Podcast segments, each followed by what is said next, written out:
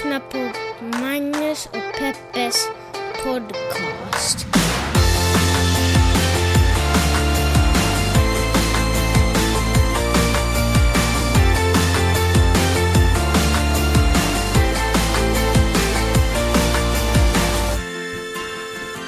Hjärtligt, hjärtligt, hjärtligt välkomna ska ni vara till podden som heter Magnus och Peppes podcast. Det här är en podcast där vi talar om samhälle, om nyheter, om feminism och vi granskar medierna ur ett journalistiskt och eh, feministiskt perspektiv. Jag heter Peppe Öhman och som co-host bredvid mig här sitter... Magnus. Hej, jag heter Magnus. Hej! Hej. Magnus, vad vill du tala? Tyckte du det gick bra? Glömde jag någonting? Nej, jag tycker, jag, framförallt så jag är ju inte, jag är inte måttstocken för om, om det levereras på rätt eller fel sätt. Jag, tyckte, jag tror att alla, du hade ett budskap, du gick ut med det, jag tror att det var klart och tydligt. Får jag säga nu en sak förresten? Jag vill skicka ett stort tack till er alla där ute som verkligen betalar för den här podden. 2,80 euro kostar det i månaden. Och då får man eh, mellan 4 och 8 podcaster varje månad. Det är ganska mycket. 2,80 är ganska lite. Och jag känner att vi som samhälle rör oss i en riktning där man betalar för det innehåll man konsumerar. Vare sig det är dagstidningar eller eh, tv-serier och filmer på Netflix och HBO eller Ja, vad som helst. Kulturarbetarna och journalisterna ska också få betalt, precis som folket på Wall Street. Alltså vilken jäkla tid vi lever i just nu. Eller just vi, eller egentligen jag. Jag lever i en bra tid just nu. Det känns så, jag känner mig så on top of my game. Dels on top of my game, massa roliga saker som står för dörren den här månaden, eller liksom de här kommande typ fyra, fem veckorna. För att sen liksom kulminera, efter den tiden, kulminera i en resa hem till the old country. Jag är redo för det nu. Jag ser fram emot sommaren där hemma. Äh, det, är- det är så himla bra. Det är så... Jag, jag, jag, Du är på en bra plats i livet, Magnus. Ja, Känns verkligen bra? plats i livet. Det är så otroligt roligt. Ibland händer det bara. Ibland händer det att allting roligt är liksom uppradat. Jag måste bara, okej, nu ska vi se här. Eh, nästa vecka, vänta vad händer då? då, är det bandyturneringen. Då är det, då är det liksom en inofficiell landskamp mellan Finland och Sverige på Finlands konsulat. Eh, med liksom superstars i båda lägen, lägren, som, som du och jag har blivit inbjudna till. Magiskt att få gå dit och titta. Ja, du går ju dit som mina veck om vi ska vara noga. Jag fick faktiskt en egen inbjudan, men jag valde Som att gå... Jag valde, jag valde att gå som din avec för att, några, för att två andra skulle ha möjlighet att gå på, på samma tillställning. Eh, så det kommer ju bli eh, helt... Eh, jag har hört rykten, alltså bara rykten. Det kanske inte är sant. Och jag vet inte ens om jag får säga det här, det kanske inte är bra för personens karriär. Men jag har hört att Zlatan kommer vara en av spelarna. Och om det, alltså, förstår du? Och det här är inte så, du vet, stor arena, utan det här är, ja, jag vet inte, det kommer bli grymt. Sjukt, sjukt grymt. Eh, och sen, eh, veckan efter det, drar du till New York, är det så? Ja. Och det är ju skönt för mig på så många sätt. Eh, lugn och ro, jag kan hålla ordning i hemmet, det ska bli bara, nej det ska faktiskt bli tråkigt. Men, men på något sätt så din glädje blir lite min glädje, så jag ser också fram emot att du ska få åka och uppleva New York igen med kompisar och så. Tack. Veckan efter det så är det ju den berömda bastuklubbs eh, sammankomsten igen. Som har nämnt lite tidigare. Möten, eller eh, tillställningen som brukar resultera i att jag inte hittar hem. Ungefär den stilen. Eh, det ser jag inte fram emot, men jag ser fram emot själva tillställningen. Så jäkla roligt. Veckan efter det LA's Finest samlas återigen för den årliga pingisturneringen. Oh, gud vad det låta på The Standard nere På i det- downtown. toppen av The Standard så finns det en hel våning dedikerad till pingis. Och en tradition är att en gång om året så hyrs den för speciellt inbjudna och betalande naturligtvis eh, gäster. Alltså sjukt. Sjukt, sjukt, sjukt, sjukt, sjukt. Och sen är det typ bara två veckor kvar och sen så drar vi ju hem. Ungefär. Cirka. Alltså, Vi ska hinna via Palm Springs också. och just det, och sen veckan efter det så till Palm Springs. Alltså, håll käften. Vilket jävla liv. Håll käften, livet! Kändes det där skrytigt? Ja, det gjorde det, Magnus. Vad har du för relation till skryt, Peppe? Du tycker ju alltid att jag är superskrytig. Att, att du är super... Ja. ja, det är du ju förresten. Herregud, det, vad, vad frågar jag för? Det, det är du ju verkligen. Det går ju inte att säga en bokstav utan att du associerar till en plats på jorden som börjar på den bokstaven. Du är så otroligt störd på när jag säger Buenos Aires. Du bara, fuck you Men- Peppe, jag hatar dig. Men du drar ju liksom, man bara känner hur du vill berätta de här historierna. De bara bubblar i dig. Och det är inte bara liksom skrytet, det är också, för jag tror att sällskapet känner det. Och när, så när någon håller på att berätta en historia till en människa, och du vet om man berättar en historia till en människa som man ser bara väntar på att den personen kan bli klar så att du kan sån skjut- är faktiskt inte jag. Så att det du kan få skjuta in din historia om Det där tänker jag Argentina. inte gå med på. Det tänker jag verkligen inte gå med på. jo, det är Nej. så. Och sen så... Och Det där tänker jag inte. Jag kan säga Nej, okej. jag, nej, fan, Nej. sån är faktiskt Nej, okej, inte jag. Okej, okej, okej. Jag- Du gick- kan ju fortsätta, jag fortsätt. Jag gick för långt. Nej, vad skulle du säga? Nej, men bara du tenderar alltid att ha en anekdot som behandlar dig själv. I, som, som gärna liksom Ah. sprungen ur andra människors berättelser. Du känner, Nej. inte- du känner inte igen det? Alltså jag blir otroligt sårad över att du säger sådär. Varför då? För sån Förlåt är jag, är jag sån. Ni som känner år. mig, ni får ni bara, alltså ingen vågar om att våga säga det här såklart. Nej Peppe, du är inte alls sån. Nej, exakt, hur säger man det? Tvärtom Nej, men- anstränger jag mig jättemycket för att inte vara Ja, en sån men när man person. bara är en sån människa som har varit med om så otroligt mycket, så jag förstår att det är en ansträngning. Vi andra har inget problem att lägga band, för vi har bara inga historier att avbryta med. Nej, okej. Nej men hörru, jag är hård, hälsa Peppe. Zlatan. Jag, jag är hård. Jag är hård mot dig, Peppe. Jag är hård mot dig. Men ibland är det ju så att du svarar på frågor som aldrig var ställda. Till exempel, hur länge har du bott i Argentina? är en fråga som aldrig har ställts, men som nog har presenterats. En... ja. Kanske det då. Då får jag ta till mig den kritiken och ska försöka vara lite tystare i framtiden. I, ibland känns det som att du tar upp, eh, medan folk pratar, så tar du upp telefonen och surfar i väntan på att de ska bli klara så att du sen kan berätta en anekdot om när du bodde någonstans på jorden. Okej, men jag hade faktiskt en poäng med det här med skrytet. Vänta ett tag. Jag snubblade över en artikel som skrevs i Svenska Dagbladet för några månader sedan. Eh, som berättar om en studie som hade gjorts på Harvard eh, och North Carolina Chapel Hill.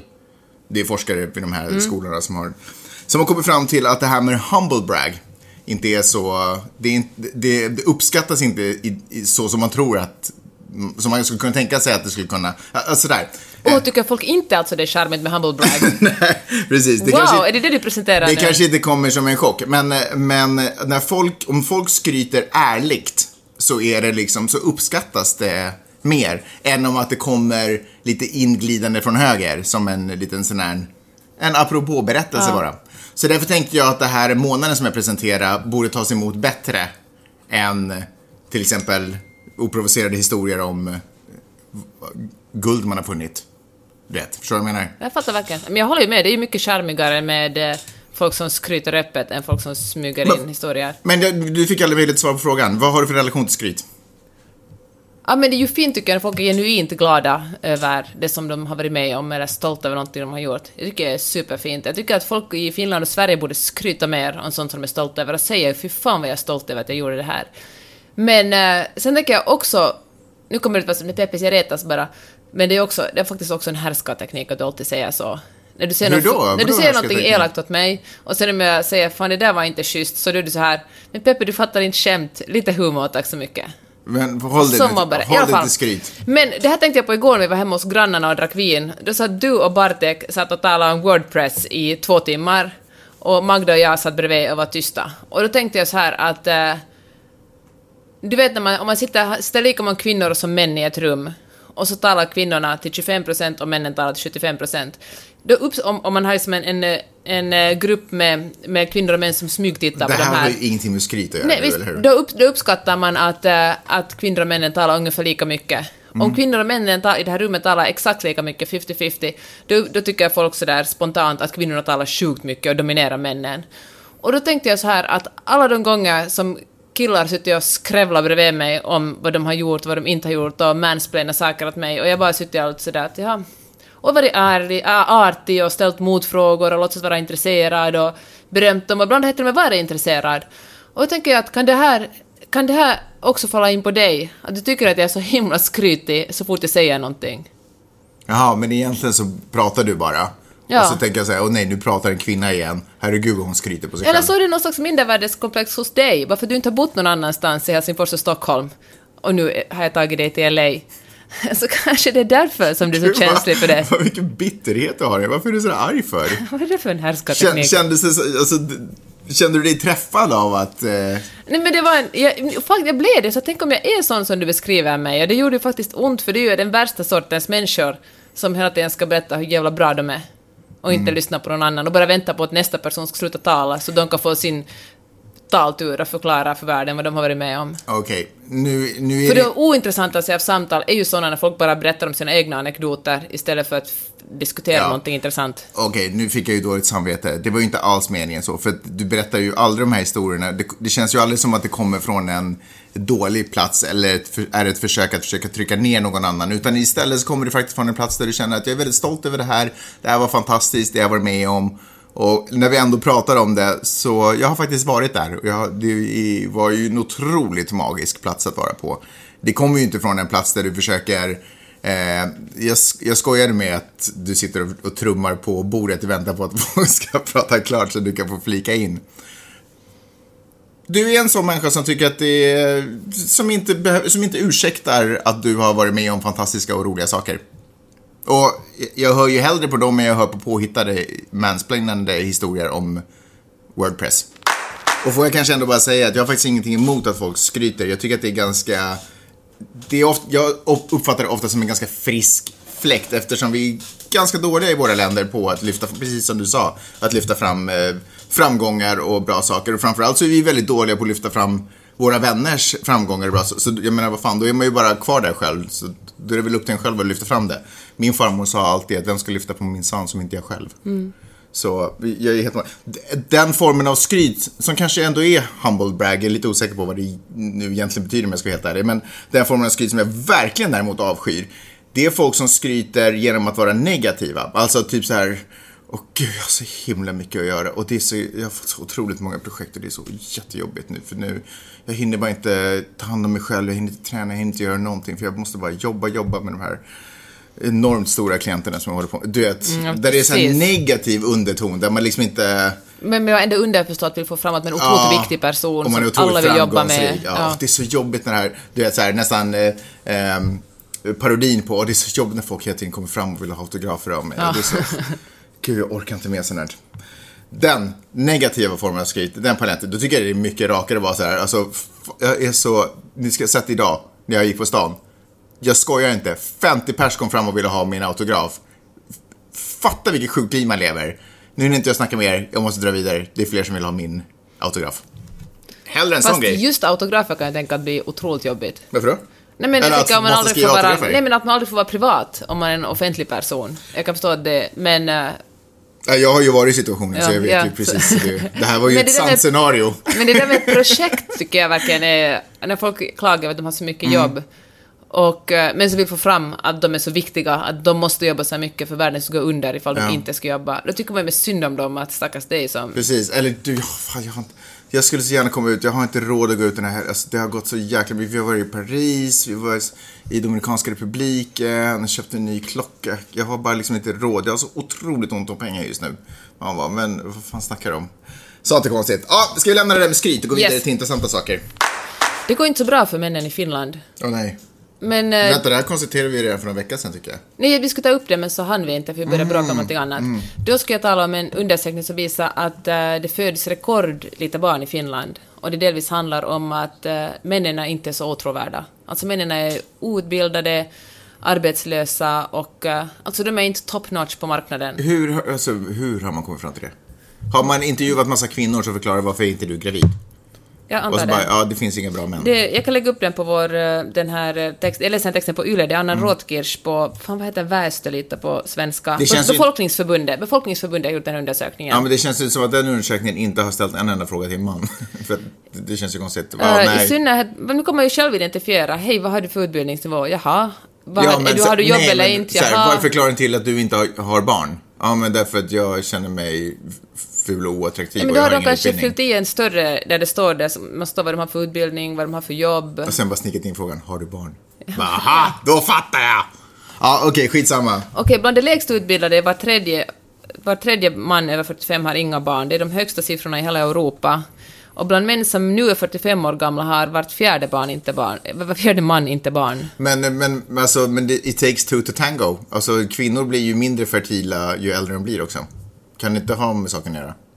Hur tänker du då? Nej men alltså en 45-årig man är kanske ihop med en jämnårig kvinna. Och en jämnårig kvinna har mycket svårare att bli gravid i den åldern. Ja, kanske det. Uh, under de senaste dagarna har det skrivits och rapporterats mycket om hur marginaliseringen bland unga män kan vara kopplad till det faktum att nativiteten i Finland sjunker. Men vänta, vänta nu, förlåt, nu fattar jag vad du sa. Men alltså, uh, så här säger Anna Rotkirch som har gjort undersökningen, mm. att den medicinska infertiliteten, det vill säga att man helt enkelt inte kan få biologiska barn, bidrar väldigt lite till den här helheten. Jaha. Jaha, okej. Okay. um, ja, så men... det här är helt enkelt för att män är slashasar? Ja, eller är det någonting liksom, jag tror att män är inte tillräckligt mycket feminister.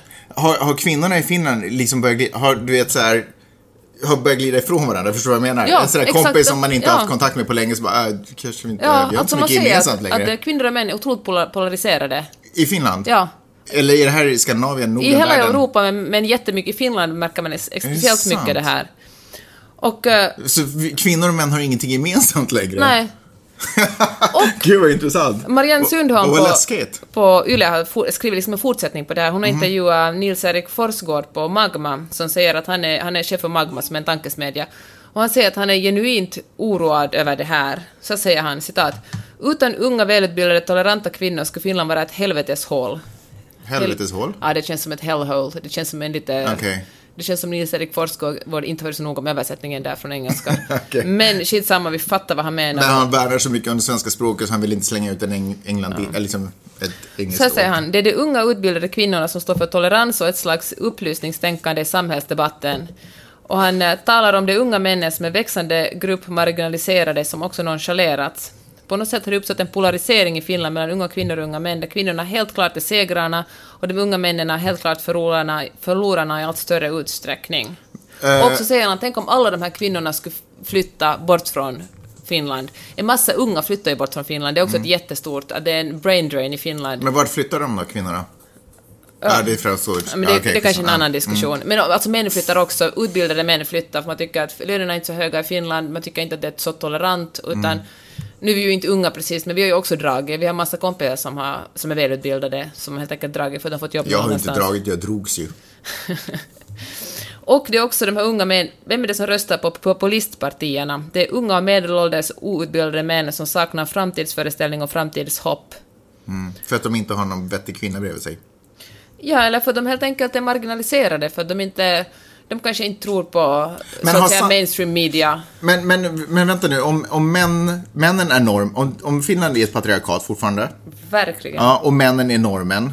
Hur kommer det sig att männen känner sig marginaliserade?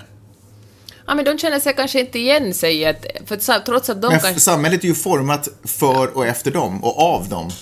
Och jag, förstår, jag förstår vad du menar, men det kanske ändå finns att de som leder, ja, nu har vi ju en väldigt patriarkal liksom, regering också i och för sig, men jag tänker att samhället utvecklas hela tiden. Det kommer metoo som folk jobbar väldigt hårt på och det kommer liksom fler kvinnor, antar jag, liksom bli chefer och, och utbilda sig och då känner, då känner inte de här männen igen sig längre i den kultur de växer upp i. De, håller, de liksom biter sig fast i de här gamla patriarkala föreställningarna men sen när, när samhället på något sätt glider ifrån dem så måste de hitta andra lösningar mm. och då mm. blir det antagligen populistiska lösningar. Då är det någon som står framför en borg och säger att eh, allt ska vara bra om alla ska vara blonda och vita i det här landet. Men det är intressant för det verkar som att det finns olika nivåer i ett samhälle och det finns dels en, den här nivån av samhället som som politikerna så att säga rår över som är lite kopplade till lagar och förmåner och dittan och datten. Men sen så finns det en annan nivå i samhället där på något sätt folk lever och då gör folk lite hur de vill ändå. Det är som att man sätter upp en gräsmatta så säger man så här, man bygger en stig runt den. Men om folk inte vill gå runt så kommer folk gå över gräsmattan. Mm.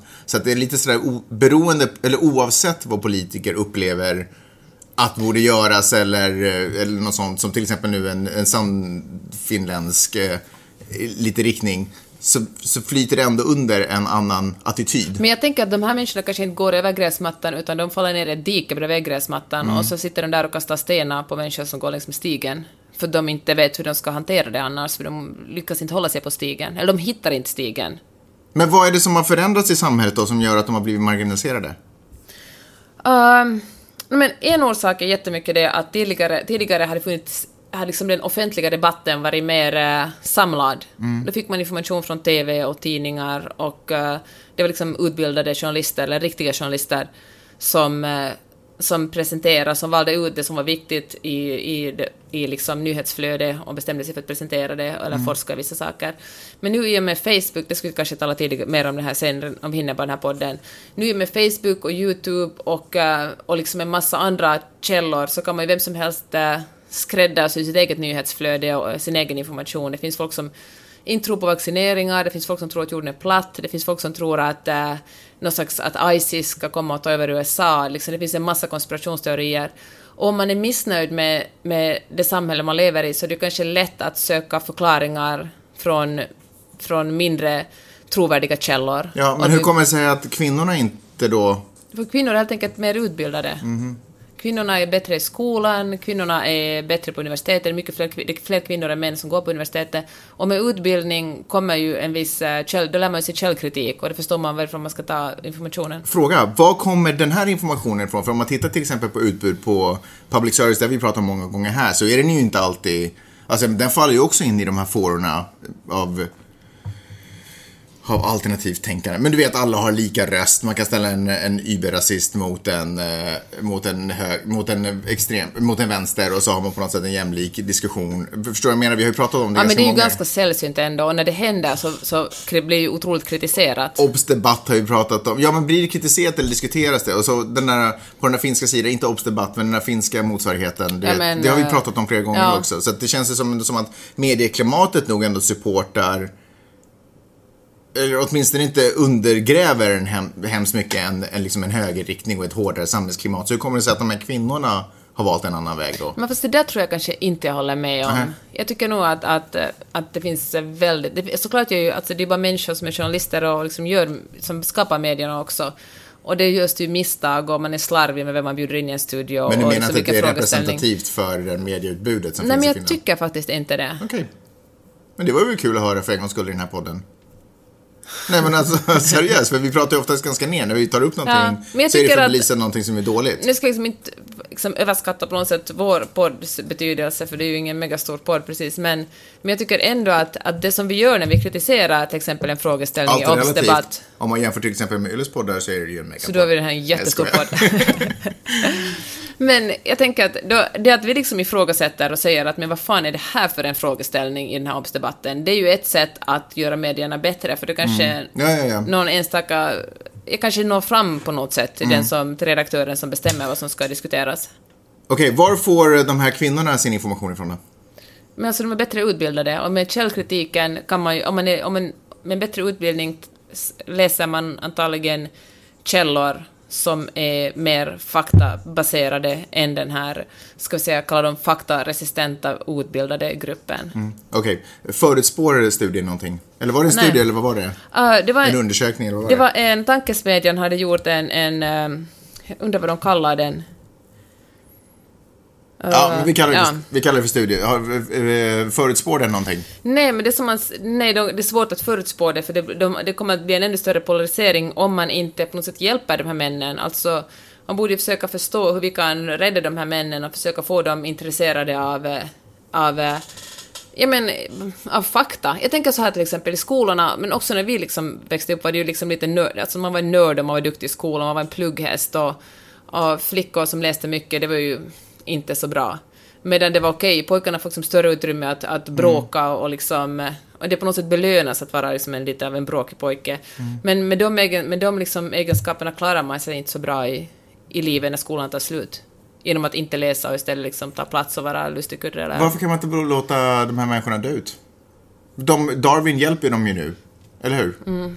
Det här är ju uppenbarligen inte the, the fittest, eller liksom... Men alltså måste du hela tiden flörta lite med, med sån rasbiologi. Varje avsnitt så är det sådär, låt oss göra, låt oss göra rasen bättre.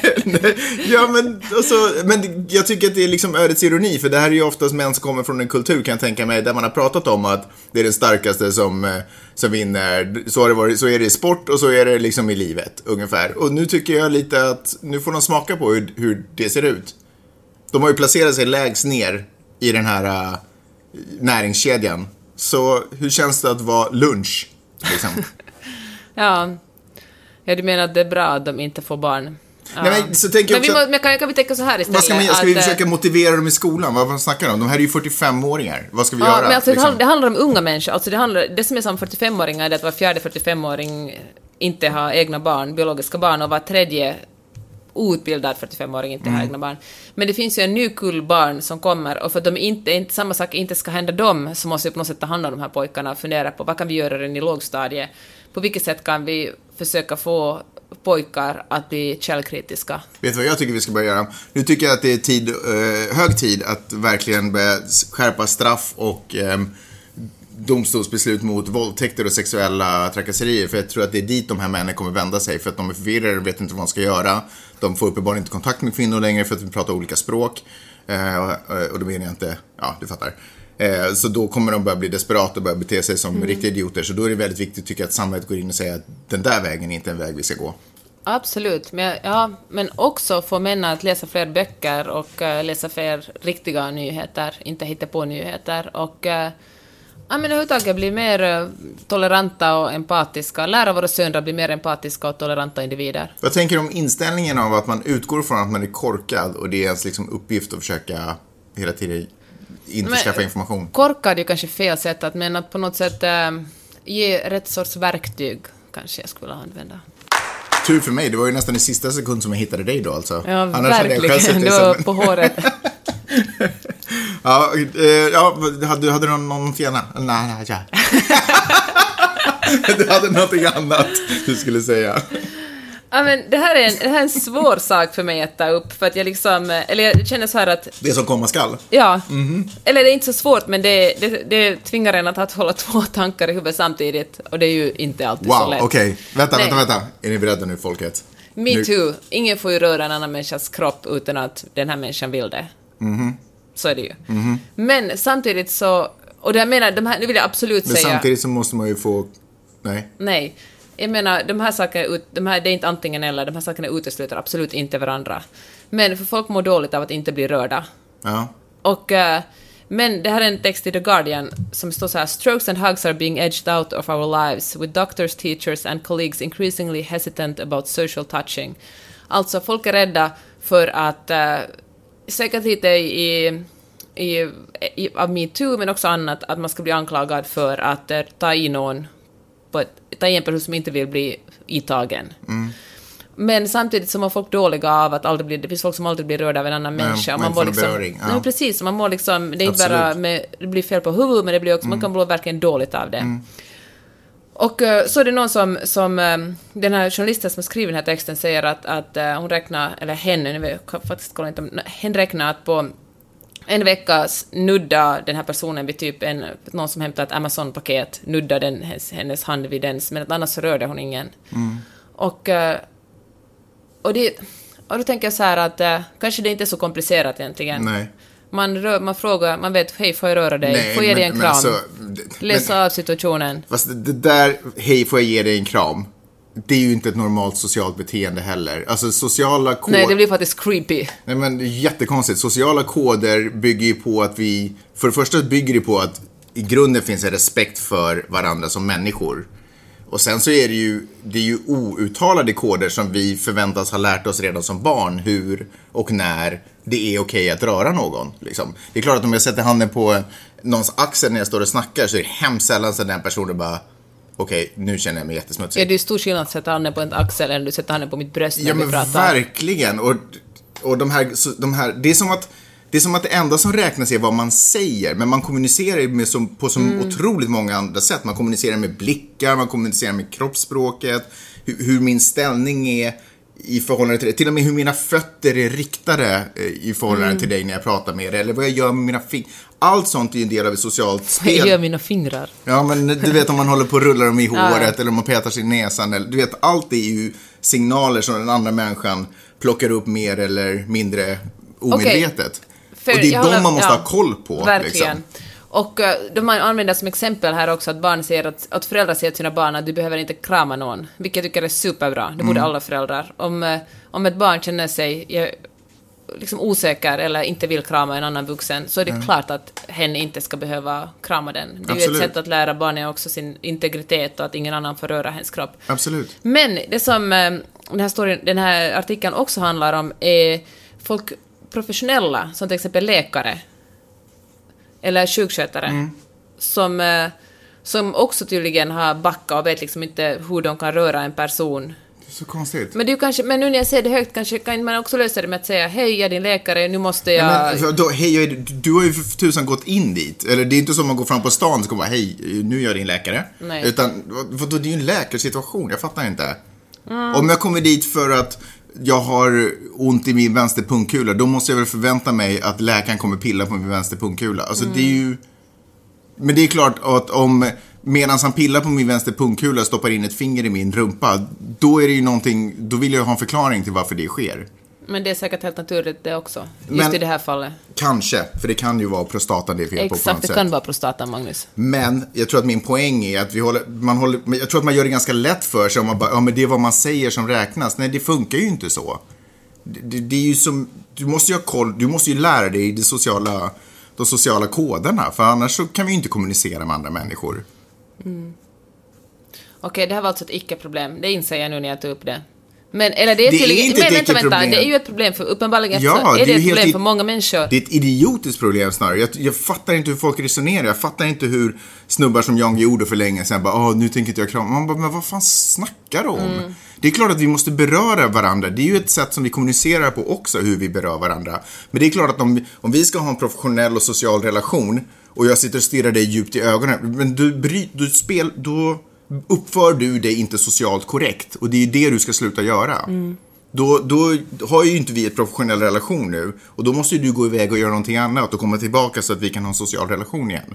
För det är ju liksom, man kan, inte, man kan inte trolla bort de här koderna men man kan inte heller trolla bort behovet av mänsklig kontakt eller att vi känner av eller att någon försöker flörta men blir, blir, blir nekad eller allt, allt sånt måste ju finnas kvar för att det är ju det som, så beter vi oss som art människor liksom. Här artikeln säger de att man har demoniserat eh, touch, alltså att röra någon. Och att folk som reagerar på det blir hysteriska. Men det är ju verkligen Alltså jag har inte behövt ändra någonting i mitt beteende. Sen metoo. Jag har inte behövt ändra ett jota, liksom.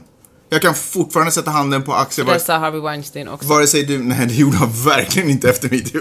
Jag tror att han pratar i helt andra... Jag skojar, man. Nej, men alltså jag kan fortfarande sätta handen på en, en människas axel, man eller kvinna, om vi står och pratar. Jag kan fortfarande nypa den, jag ska bara.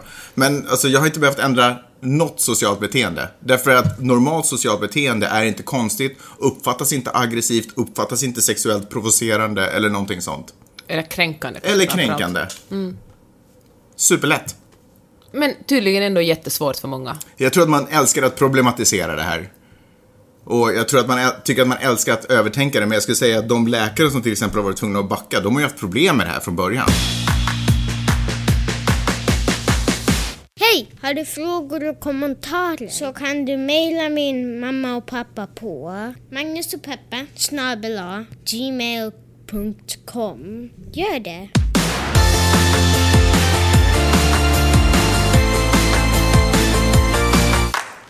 Hanna har hört av sig och skriver så här som en kommentar till något vi talade om förra veckan. Halloj, tack för bra podd. Apropå ett snack om hur reklam görs i poddar så har ju till exempel Della Sport-gänget Jonathan Unge kompani länge kört precis den grejen att det på ett humoristiskt och ironiserande, till och med småkritiskt sätt pratar om sina sponsorers sponsorernas produkter. Klockrent, så mycket mer äkta och minnesvärt än uppläsa översägliga, fejkiga reklambudskap. Synd bara att det är sport de pratar om sen annars. Jag vet, så kände jag också. Jag. Hörru, tack Hanna, mycket bra kommentar och tack för att du berättade om det här. Fortsätt skicka in eh, frågor, kommentarer, synpunkter och eh, ni vet allt sånt på magnusochpeppesnabel.gmail.com. Gör det! För inte så hemskt länge sedan så avslöjades att dataanalysföretaget Cambridge Analytics eh, ägnar sig, eller det, ja, det framkom i, en litet, i ett inslag gjort för Channel 4 i Storbritannien om uh, skumraskaffärer. Det var en snubbe som utgick sig för att vara en, eh, en uh, rik typ som behövde hjälp med att etablera sig politiskt och då närmade han sig Cambridge Analytics som har hjälpt andra politiker i deras kampanjer runt omkring i världen. Och lite för att få hjälp av hur han skulle kunna bli en politisk maktperson i sitt hemland. Och då framkom det i den här intervjun att Cambridge Analytics eh, ägnar sig åt skumma och tvivelaktiga metoder. Eller åtminstone var det en av, eh, eller jag tror att det till och med är VDn för företaget som han satt i möte med, eh, på, sa saker som skulle kunna tolkas så. Och den chefen fick ju sen gå och Cambridge Analytics har därefter varit så här, vi, så här det här är absolut inte på det sättet vi jobbar. Eh, anledningen till att han sa det var för att han, de kände sig pressade av frågorna från den här snubben. Och därför ville de bara humor him, men de har inte ens träffat honom efter, de har liksom inte varit i kontakt efter. Så skitsamma, därifrån började alltihopa. Och så visade det sig att ett ställe som Cambridge Analytics hade fått massa data från var eh, en app gjord för Facebook, eller med hjälp av Facebook. Eh, och kunna som har sugit åt sig massa information från Facebooks alla eller liksom, användare. Och så hade den här appen, den här tillverkaren den här appen sålt den här informationen vidare till Cambridge Analytics som då helt plötsligt kunde tillgodogöra sig massa information om person, privatpersoner, deras liv och hur de röstar och, och lite ditt och datten. Hens exploderade det i Facebooks ansikte om vilken information de ger vidare till Eller sälja vidare kanske det. säljer vidare till eh, mer eller mindre tvivelaktiga aktörer. Ungefär då.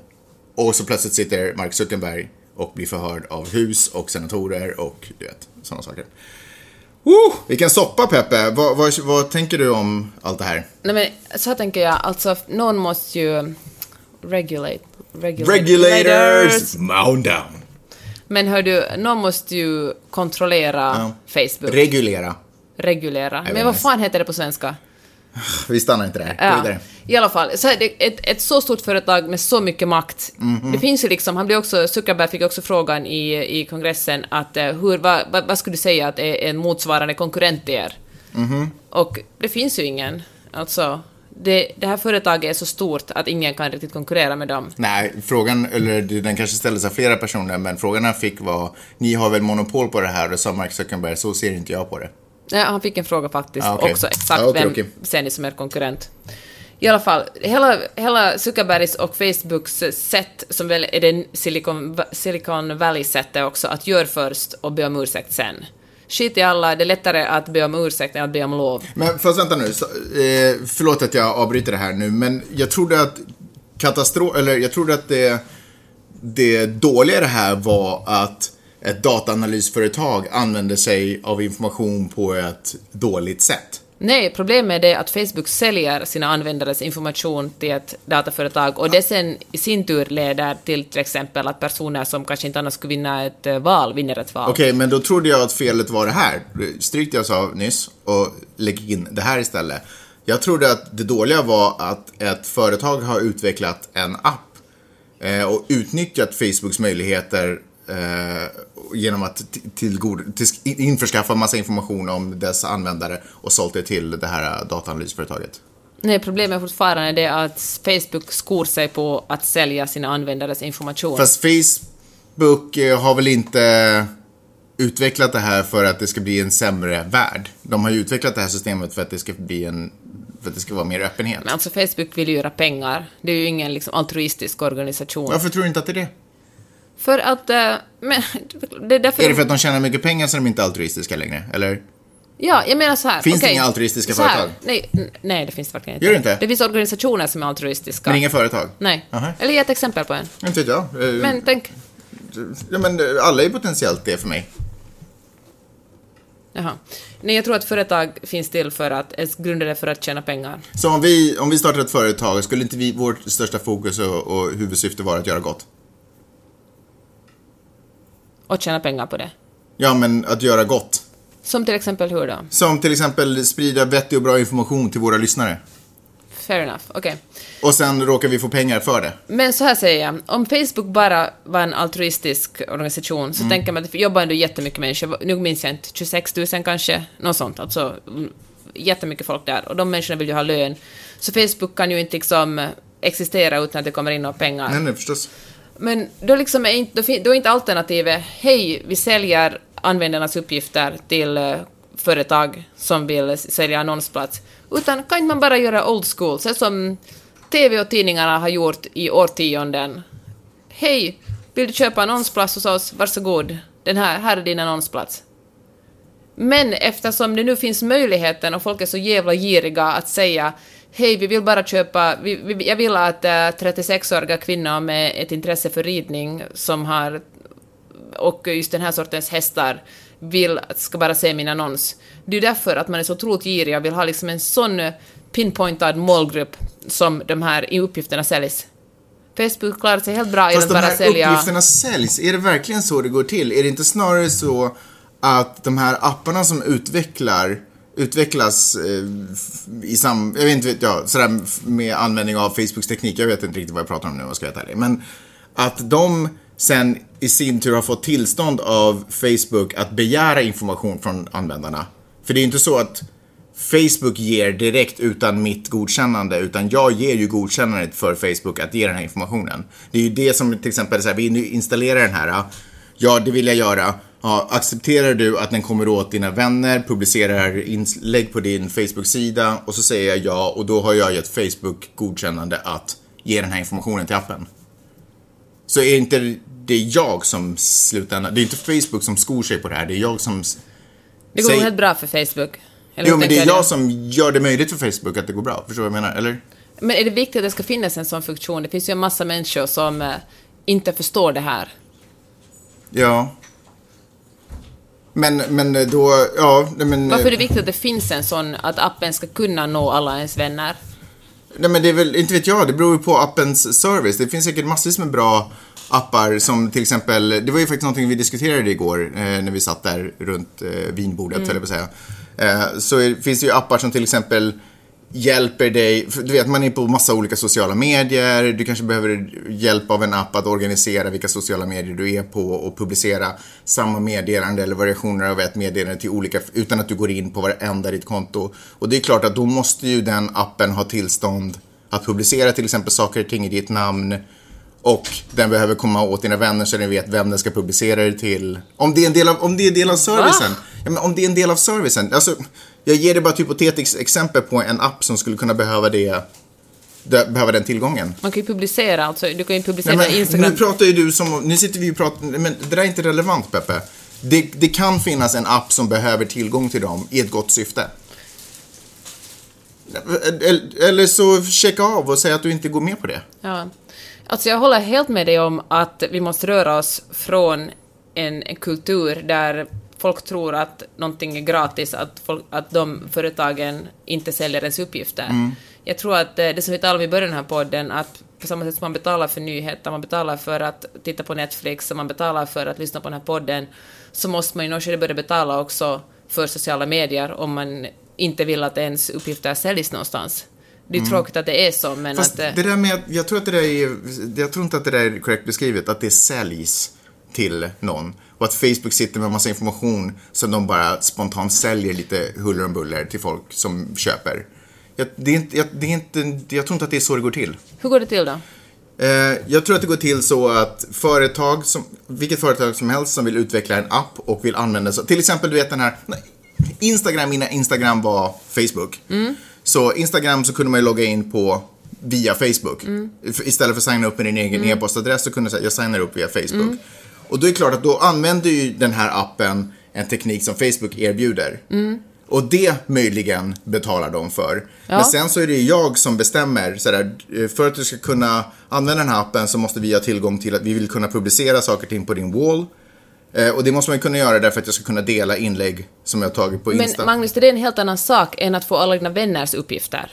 Jo men varför fokar du just på den grejen? Därför att det är ju bara en så... service, en del Nej, av en service. ju, just den grejen är ju det som är det viktiga i det här. Det var ju så Cambridge Analytics fick tag på en massa uppgifter genom att en person gav dem tillgång till alla hennes vänners information. Jo, De här vännerna hade ingenting med den Peppe- saken att göra. Och jag tycker att det, det är ju det som är det viktiga, att trots att du inte själv har gett tillstånd för att... Du, du har själv gett tillstånd. Du, har- du, din, det räcker med att din kompis har gett tillstånd för att Cambridge Analytics ska få reda på dina uppgifter. Förstår du? Ja, det handlar inte bara om dig själv, utan Jag det handlar om en massa andra människor också. Jo, jag vet. Och det är men, det som är Men problematiskt varför är det här. här. Kolla, Facebook har ju gjort det möjligt för appar att samarbeta för att kunna skapa bra tjänster till människor. Lyssna. Men sen så finns det ju också företag som missbrukar det här förtroendet. Eller hur? Det här företaget som gjorde den här appen som var någon himla, vilken trollerigubbe är du lik? Eller vilket horoskop, det var någon sån här bullshit-app. Vilket horoskop är du? Ja men, men det var ju typ så. Ja, vilken pizza är du typ? Ja, men typ. Men det var någon sån här bullshit som folk bara älskar, för att folk är idioter redan från början, älskar att signa upp. Och så har de signat upp via den här appen och så har de accepterat allt, att appen ska kunna komma åt all deras information. Så bara där är ju massa underligheter. Men allt bygger ju på att det här företaget har ju missbrukat ett förtroende. De har missbrukat ett Facebooks förtroende och de har missbrukat användarens förtroende. Därför att användarna trodde att de bara skulle få reda på vilken pizza den var. När det visar sig att allt som händer i deras liv har sålts till ett annat företag. Fast där igen, nu tänker du fel. Alltså, det, jag tycker det är vidrigt att allt, ens, allt som man har publicerat någonsin säljs till ett företag. Men jag tycker det stora problemet är att man ger tillstånd för här appen ska ta reda på vad ens vänner publicerar. Men Folk det är ju jag folk som, har gett det tillståndet, det är Ja. inte Facebook. Facebook har ju bara möjliggjort det. precis. och men det, jag har ju gett ja, tillståndet. och det borde inte Facebook kunna göra, för då har Facebook svikit alla andra användares. Därför att eh, de här människorna har inte gett sina uppgifter, de har kanske låsta mm, okej. profiler. Okej, men det jag ändå... Fine, på sätt och vis kan jag hålla med dig. Men jag tycker ändå att det. Jag tycker att det. Allt som ofta så tycker jag att man hela tiden... Det är liksom skulden faller på de som försöker ge möjligheter till fantastiska, som, till fantastiska och roliga saker. Istället för att det faller på de som missbrukar. Det är som att vi har en regel i stan till exempel att man får inte gå mot röd gubbe. Och det är liksom, det är regeln. Och sen så är det de som gör det, som följer regeln och så är det de som inte följer regeln. Men de som inte följer regeln, då kan det liksom inte vara då kan man liksom inte skylla på, men vadå? Vi, vi, det kan inte vara så att folk ska bestämma själva, då måste vi sätta poliser i... Fast vet du Magnus inte- vad problemet är här? Det finns ingenting som är jämförbart med Facebook. Alltså vi har liksom ingen... Det är svårt att ha en vilket sätt referens. då? Vad menar vi kan inte säga så här, så här hände det för, så här hände det i trafiken för två år sedan eller så här hände det på skolan för tre år sedan. För Facebook, två miljarder människor är medlemmar i Facebook. Det har aldrig funnits ett motsvarande, ett lika stort företag som har nått så många människor. Och nu har vi fått se att det här företaget genom att sälja folks uppgifter verkligen kan påverka politiska Varför val. säger du att de säljer folks uppgifter? Därför det är det de tjänar pengar på, att kunna erbjuda för andra företag eh, superspecifika målgrupper. Och uppenbarligen, deras tjänster kan erbjuda företag också att reda på inte bara en enstaka persons uppgifter, utan en massa andra, den här personens vänners uppgifter. Det är Facebook som skor sig på det. Fast Facebook säljer väl, de tjänar väl pengar på annonser? För att kunna erbjuda supermålgruppsinriktade annonser. Ja, jag vet, men det har ju ingenting med mina vänner att göra. Det är ju direkt mellan mig och Facebook. Det är ju inte mina vänners önskemål som jag får upp som reklam. Nej, men att de möjliggör, alltså Cambridge Analytics fick ju reda på alla de här uppgifterna om de här personerna Ja. eftersom en person gav lov åt en app som har betalat för att få finnas på Facebook. Mm. Ja. Det handlar ju om att sälja människors uppgifter då. Det är ju inte gratis. Ja, jag vet jag, jag tycker inte att du Ja, har men du tycker... tolkat okej. det här helt rätt. Vad tycker du då om den här härvan? Jag tycker som vanligt att individer måste ta större ansvar för vad de accepterar och går med på och inte går med på. Jag håller med dig om att tveksamt om den tjänsten bör finnas, att man kan dela sina vänners information. Det har jag svårt att se vilken app som inte jag kan leva utan som ska kunna erbjuda den, liksom använda sig av den funktionen. Men jag tycker också att det handlar om att en tredje part har missbrukat förtroende. Utnyttjat en, eh, en eh, sådär, som Rihanna återigen, har utnyttjat en vänlighet och sett det som en svaghet och utnyttjat den för att suga åt sig en massa information och sen kunna sko sig på det. Det var, det var vad jag tycker. Jag tycker att man lite skulle också kunna prata om, om förövarna i det här fallet och inte bara de som lämnade dörren öppen. Men så här, Facebook har försökt få sjukhus att ge dem patienters medicinska fakta för inom citationstecken vetenskapligt syfte. Ehm, Facebook har också gjort så här att när Zuckerberg skickar meddelanden åt folk kan Mm. han radera dem. Men såklart kan ingen annan använda det, så han kan kommunicera och sen radera sina egna meddelanden så att det inte finns någon paper trail efter honom. Jag menar, det finns en... Men eh, vadå, V- vad gör det här honom till en bov då? Nej, men jag menar, han är nu inte så att han spelar på egna regler, det är ju hans flipping företag. Ja, men det är ingen... Men förstår du det den här, det här företaget påverkar ju demokratiska processer. Det är Ja. liksom, jag tycker inte att vi kan se så jättemycket mellan fin, fingrarna i sådana fall. Hörru, påverkar eh, demokratiska processer, sa du. Kan jag ändå bara få tillägga att det var det här Cambridge Analytics som ägnade sig åt den processen. Det är de som har utnyttjat den informationen de har fått på ett negativt sätt. Tack vare Facebook. Facebook har möjliggjort det, men vårt samhälle möjlighet, möjliggör det för mass, massor av saker, men vi väljer att hålla oss till reglerna. Ja, men jag tycker Det är fortfarande därför det finns bankrånare och det att finns... Facebook är unikt efter det som är så jävla stort. Men ska vi klaga på banker när, för att det kommer bankrånare in? Det är ju inte bankernas fel.